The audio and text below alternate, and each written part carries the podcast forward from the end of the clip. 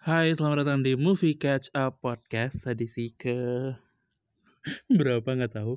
Eh, ini kita hari ini kita akan ngomongin soal hometown Caca-Caca. Jadi, eh, mari simak obrolannya. Aku sebenarnya sih pengen ngomongin soal tiga hal. Pertama, eh, aku pasti pengen nge-review secara non spoiler. Kedua, akan ngomongin soal seriesnya seriesnya beneran. Ketiga, di akhir mungkin aku akan nyentuh sedikit ngomongin soal um, kasusnya Kim Son Ho. Jadi langsung aja kita mulai episodenya dari bagian non spoiler. Selamat datang di Movie Catch Up Podcast.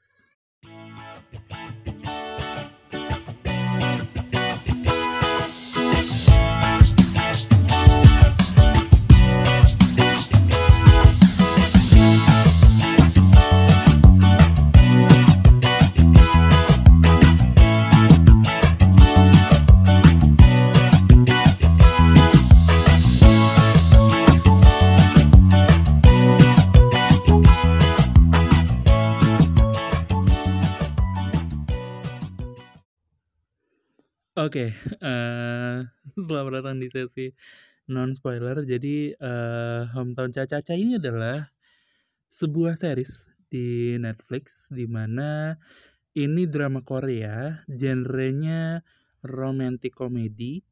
Baru aja tamat minggu lalu, ada 16 episode, satu episode durasinya di satu jam 30 menitan. Ada yang lebih, ada yang kurang, uh, tapi nggak seberat secara durasi tidak seberat hospital playlist sih. Memang kadang hospital playlist kita agak kaget-kaget gitu ya. Sebenarnya aku nggak nggak berniat membandingkan tapi karena aku baru nonton itu back to back jadi habis nyelesain hospital playlist season 2 um, akhirnya nonton hometown caca-caca lagi gitu. Maksudnya akhirnya mulai nonton drama Korea lagi si hometown caca-caca.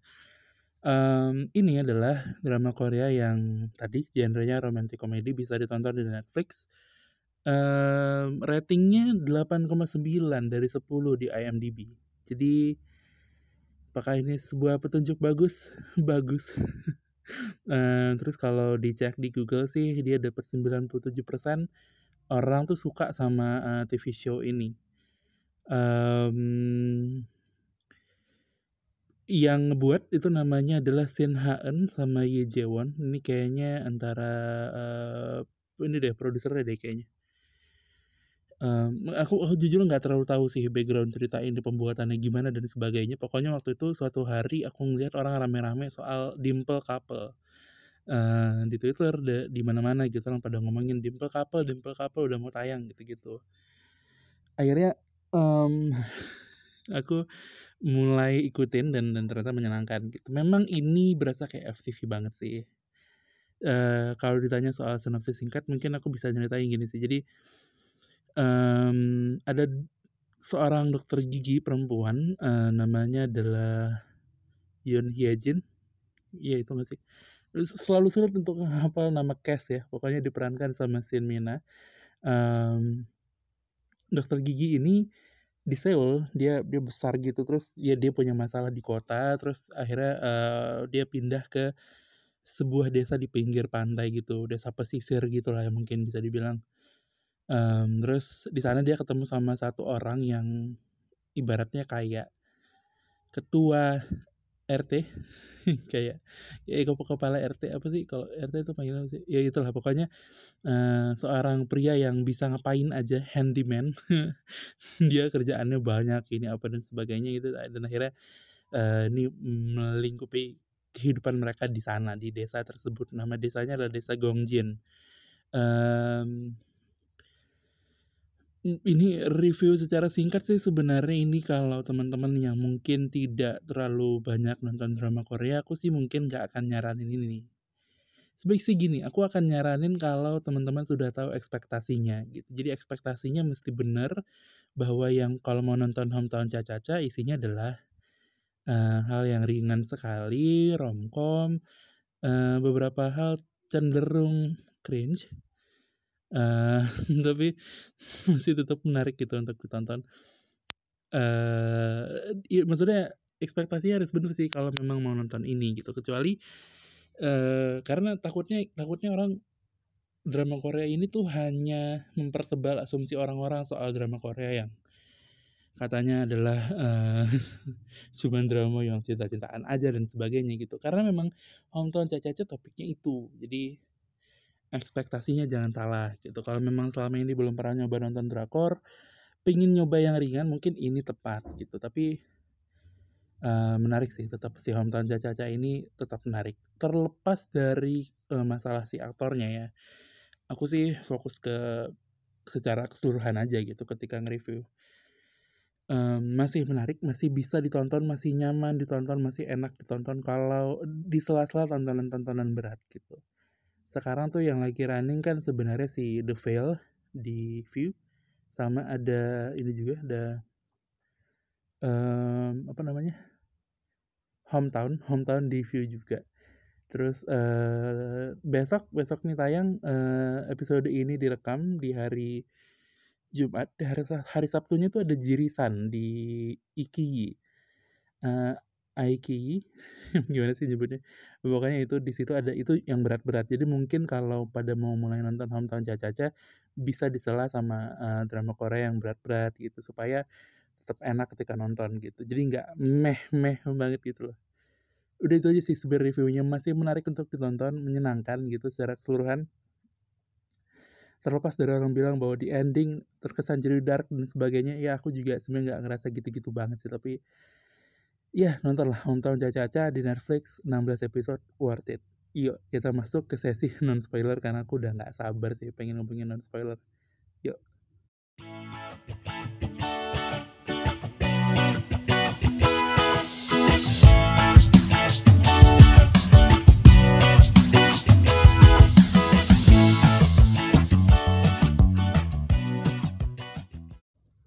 Shalala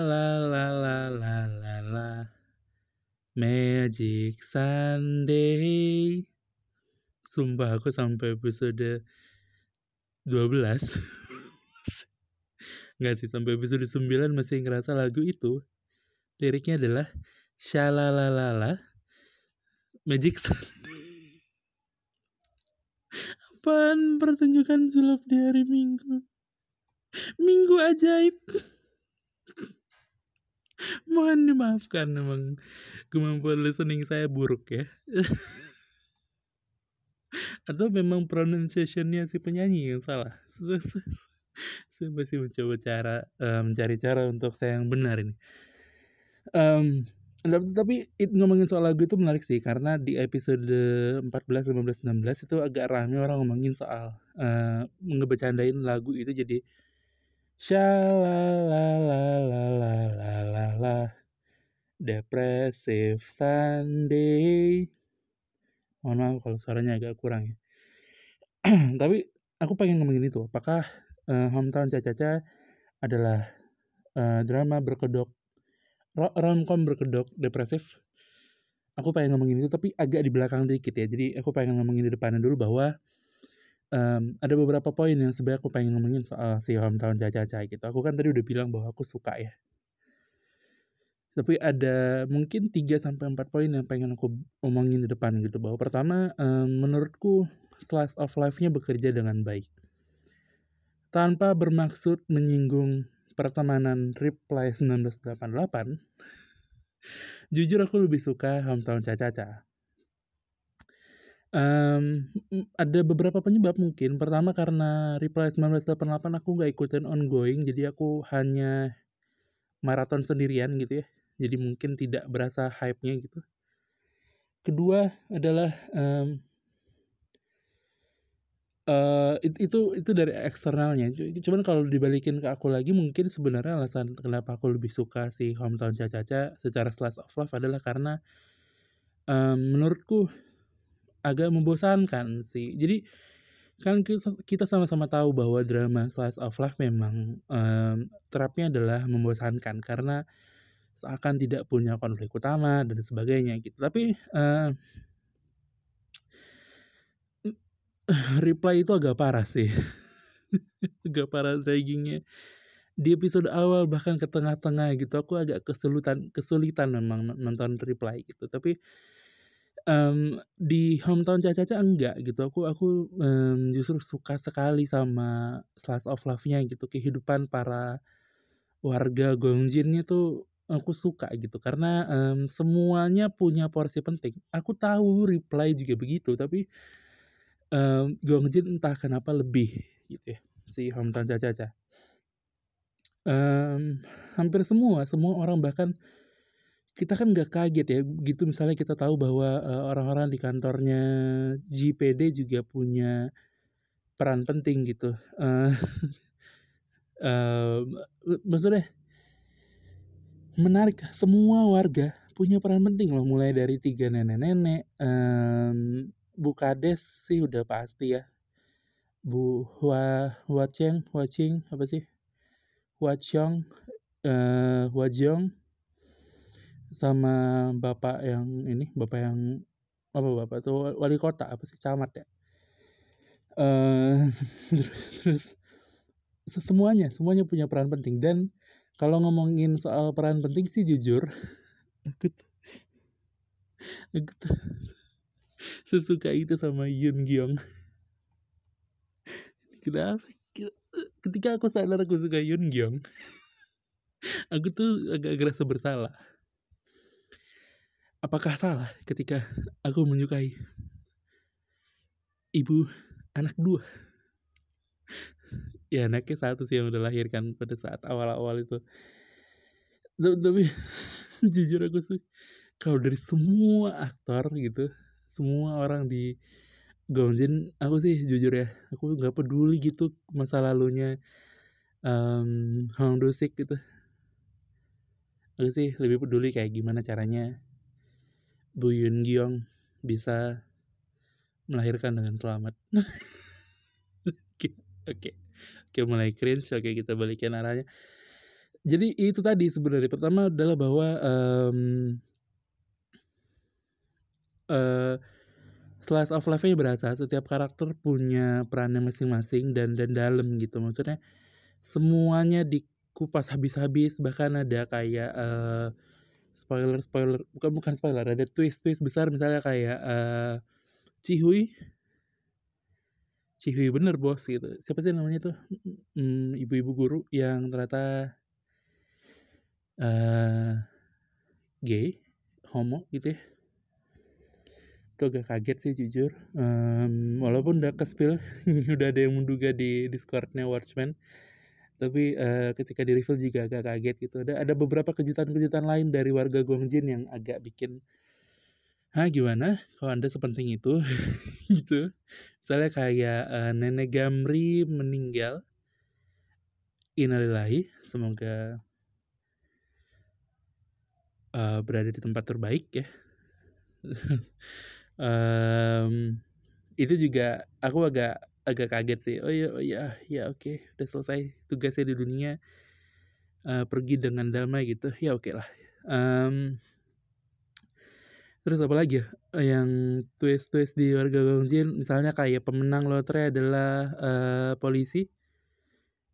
Uh, itu agak terduga itu agak-agak agak bisa diduga-duga karena kalau diperhatiin di uh, scene uh, Mison sama Yun Gyong cerita soal lotre itu habis itu kan scene pindah tuh tuh ke polisi. Jadi aku udah duga kayak oh ini polisi nih gitu. Dan ternyata bener. Um, tiga misteri Gongjin itu juga membuktikan bahwa ini bukan hanya sekedar kisah cinta Hong Dusik dan uh, Yun Hyejin gitu. Menarik sih. Jadi itu satu pertama poinnya adalah bahwa uh, slice of life-nya sangat-sangat berasa. Kedua adalah aku cinta Yun Gyong. Oke, okay. so, so, sorry sorry sorry. Um, kedua adalah kualitas aktingnya bagus-bagus banget gitu. Uh, banyak pemain dari Hometown Caca-Caca kan ini ya katanya uh, backgroundnya adalah uh, drama drama musikal panggung gitu um, dan dan kayaknya yang jarang muncul di publik tapi kemudian dapat kesempatan bagus semua gitu. Um, ekspresinya detail dapat tidak berlebihan gitu. Menarik sih. Terus uh,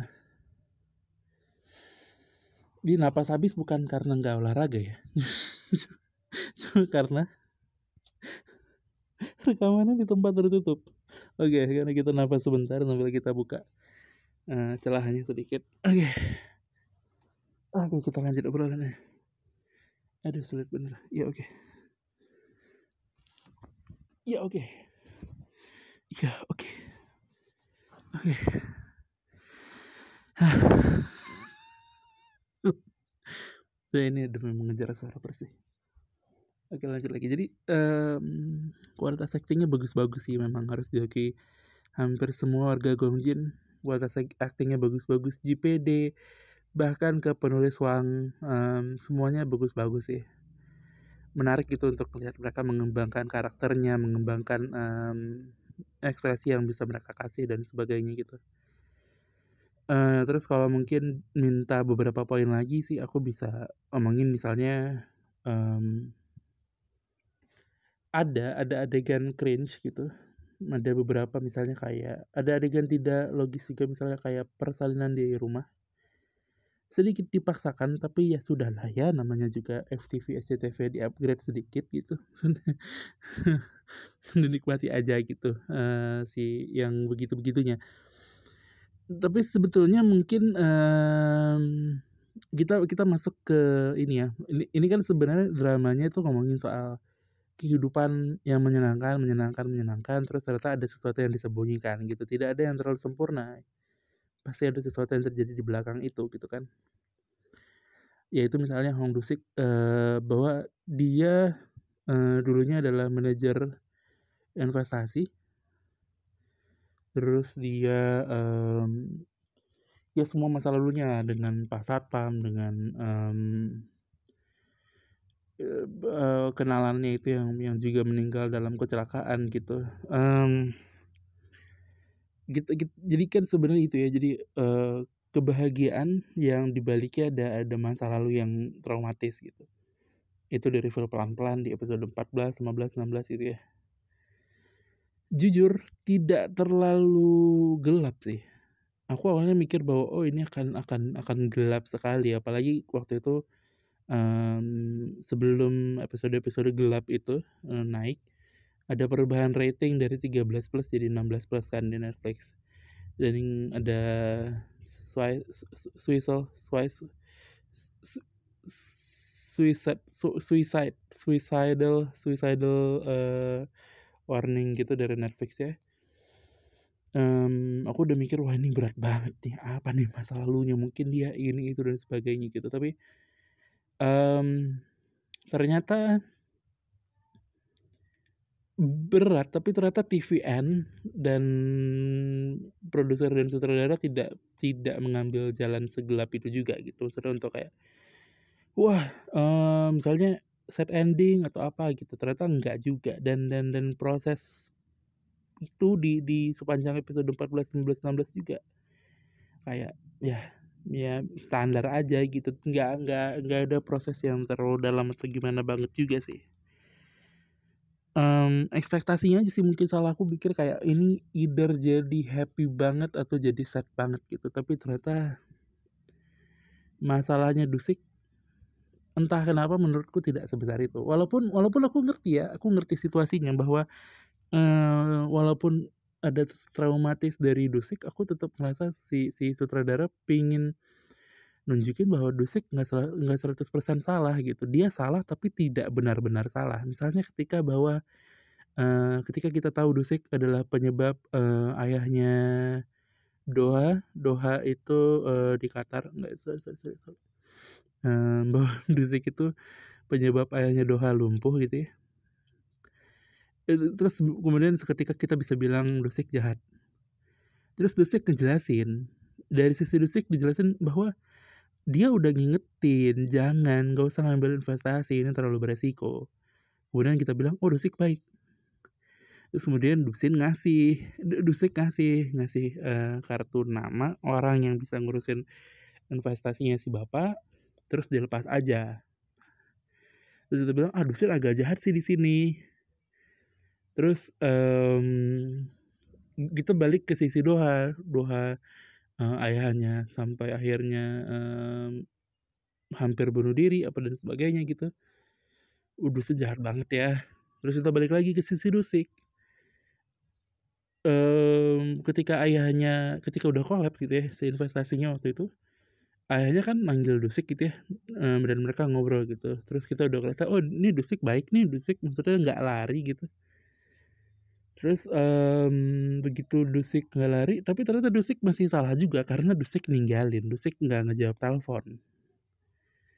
Jadi ini memang sengaja kayaknya pingin dibikin abu-abu bahwa enggak 100% salah Dusik tapi ada ada ada salahnya gitu. Justru justru kesalahan-kesalahan kecil yang yang berimbas besar gitu. Yang yang Dusik sendiri mungkin ngerasa kayaknya ini kesalahan yang diambil saat itu tidak tidak seharusnya sebesar itu pengaruhnya gitu aku ngerti uh, sedikit banyak penempatan posisinya Dusik bahwa dia traumatis tapi dia tidak bisa punya kontrol pada saat itu juga. Dia sudah mencoba untuk yang terbaik yang seterbaik mungkin tapi Doha juga punya masalahnya sendiri. Dia juga berhak emosi dan sebagainya gitu. Jadi uh, aku ngerti ini pengen dibikin sedikit abu-abu nggak pengen hitam banget Dusik membunuh gitu misalnya.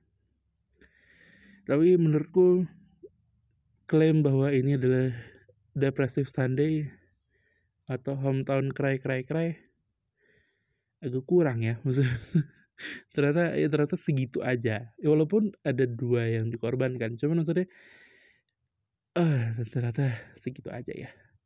Uh, aku expect lebih gitu. Mungkin misalnya kayak mafia atau mungkin dia jadi bola sukses banget atau misalnya kayak dia pulang dari Makau gitu berjudi apa sebagainya gitu aku awalnya mikir gitu tapi ternyata enggak enggak dikasih chance itu sama si sutradaranya. Ya mereka hanya bikin masa lalunya Dusik traumatis tapi di saat yang bersamaan dia tidak punya kontrol atas itu tapi dia juga punya kesalahan di sana gitu. Jadi uh, aku ngerti dan aku suka juga aku nikmatin juga. Cuman aku nggak bisa terima klaim bahwa ah ini drama gelap. Nggak juga sih.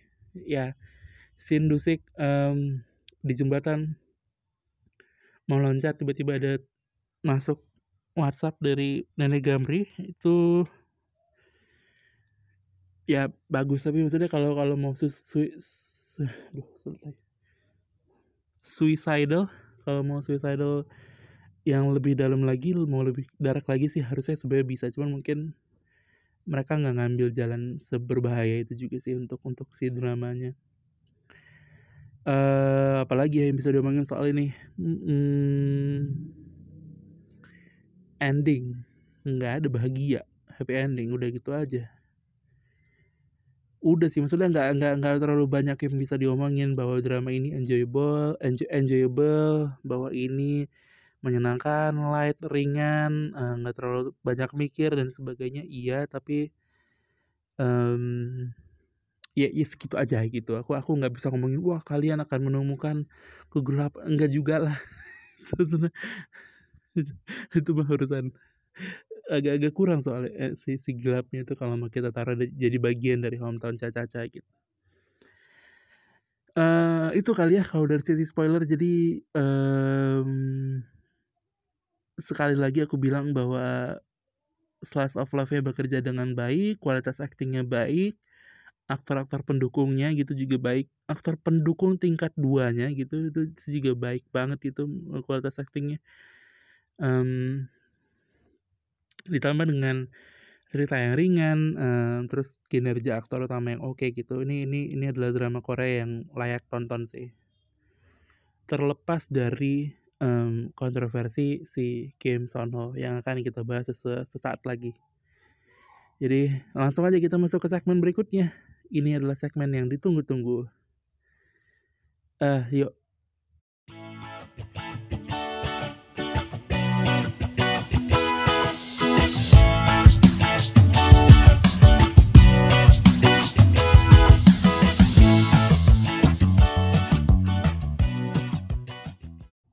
Oke baik, mari kita mulai. Kata yang dengerin bahasa basi bener Audi di zaman ke belakang gosipnya ya minimal sih banyak yang dengerin ya dosa sih nggak tahu ya tapi minimal ada yang dengerin aja sampai ujung nahan buat uh, dengerin gosipnya. Sebenarnya gini, aku aku nggak nyoba peng aku ya sih, sorry sorry.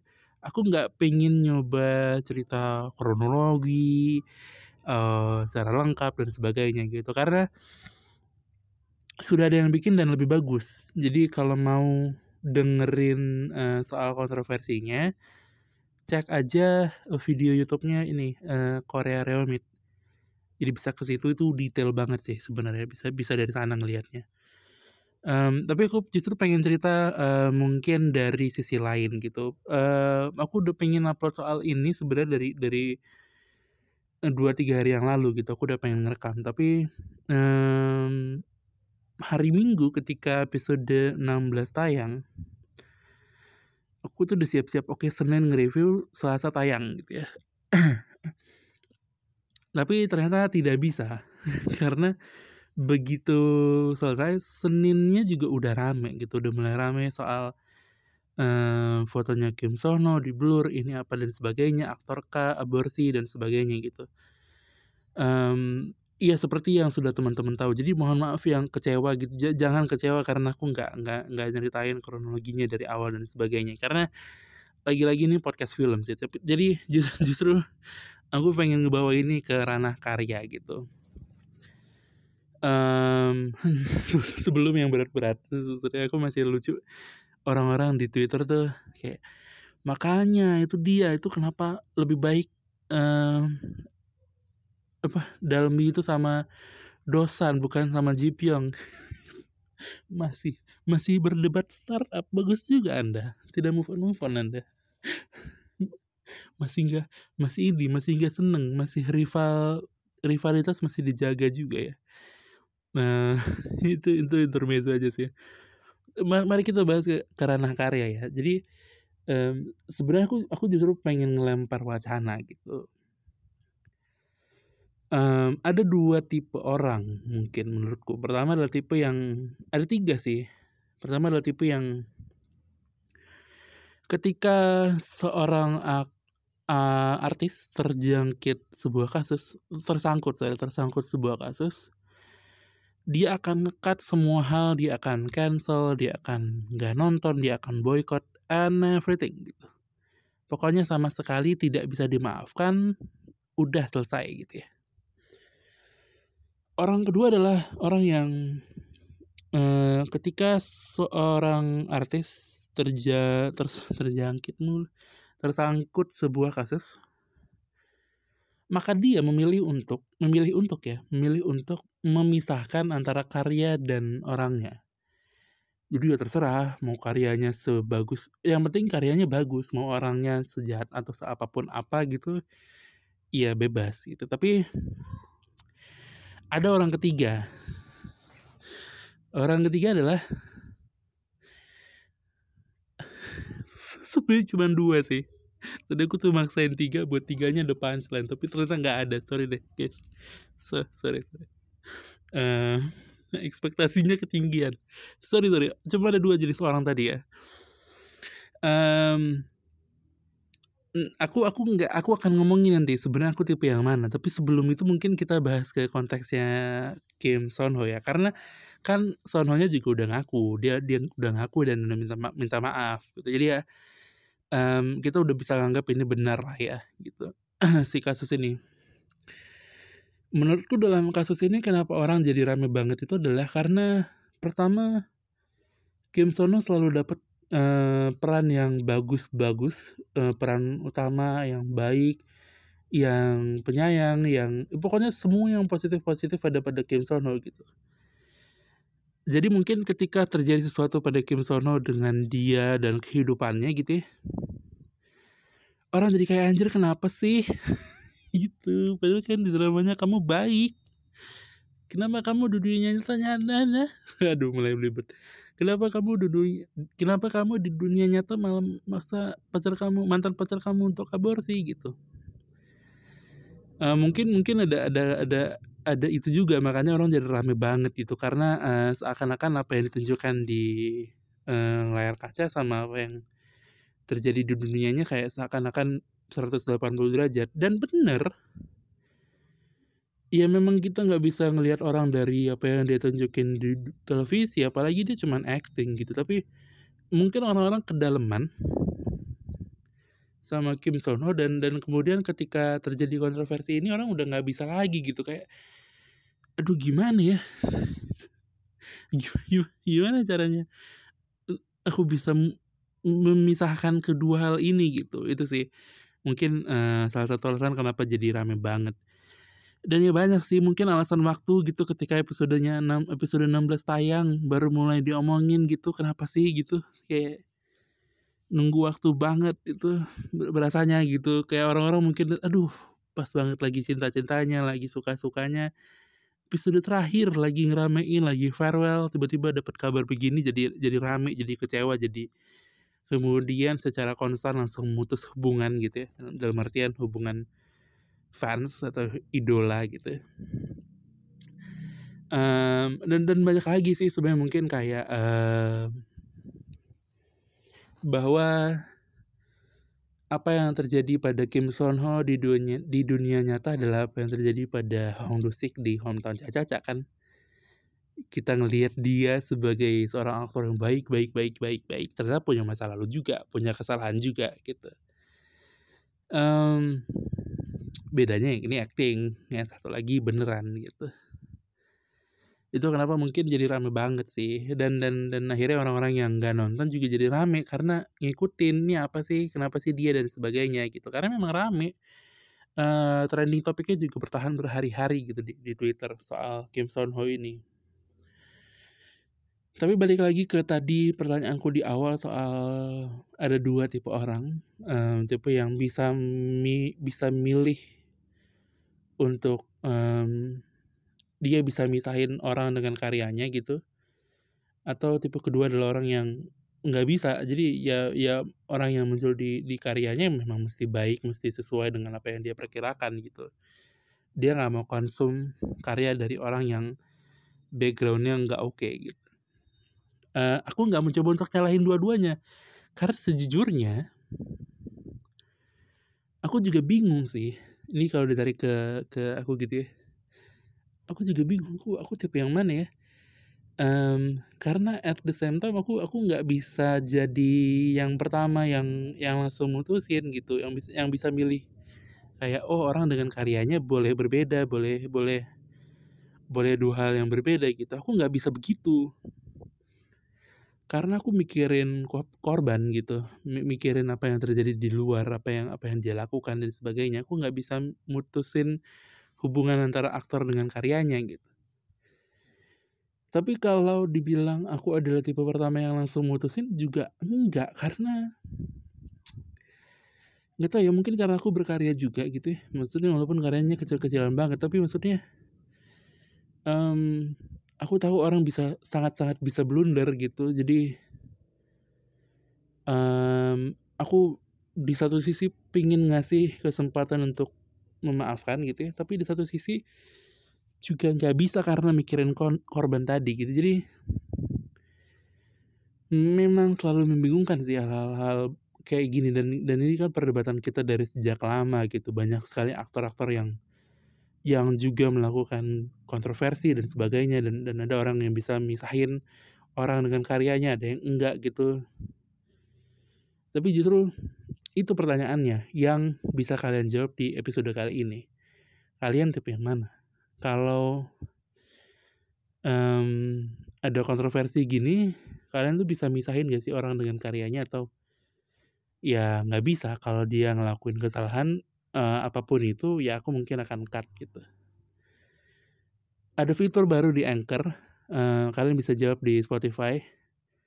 Coba cek deh bisa jawab di deskripsi di scroll sedikit ke bawah jawab di sana ya. Aku pingin ngerespon itu di Instagram atau di tempat lain tapi yang penting jawab di situ. Oke? Itu aja untuk episode kali ini. Sampai jumpa di episode berikutnya. Nonton hometown caca enggak, enggak, enggak, sorry. Untuk yang bisa misahin orang dengan uh, karyanya mungkin nggak ya mungkin nggak masalah untuk nonton hometown hometown Caca tapi untuk orang yang um, nggak bisa misahin nggak mau nonton juga ya nggak apa-apa gitu bebas. Tapi ya yaudah itu aja sih sebenarnya. Terima kasih sudah um, mendengarkan Movie Kaca Podcast kita ketemu lagi di episode-episode berikutnya dan follow Movie Catch Up di Instagram at Movie Catch Up dan follow Instagram at Audi underscore harahap. Udah yuk, bye.